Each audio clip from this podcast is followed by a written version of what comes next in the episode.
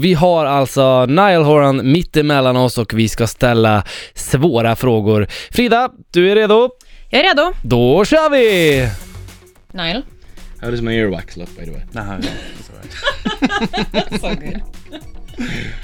How does your ugliest pair of underwear look? Not great. Have you ever dated a fan? No. Who was the last person that you called? Uh, my cousin. Have you ever been handcuffed?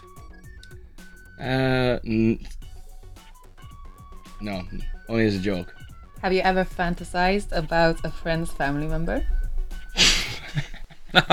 the first laugh. Yes or no? I'm not answering. Yeah.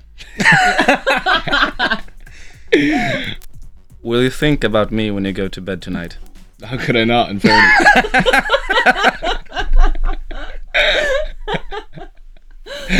uh, What was the last thing you googled?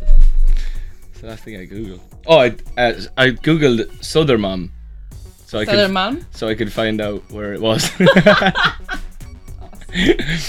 Repeat after me. Erik Myrländer. Eric Mirland. Mm. Mm. Okay, the last question, yeah? Yeah.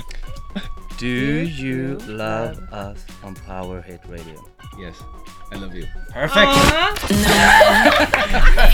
Thank Repeat after me!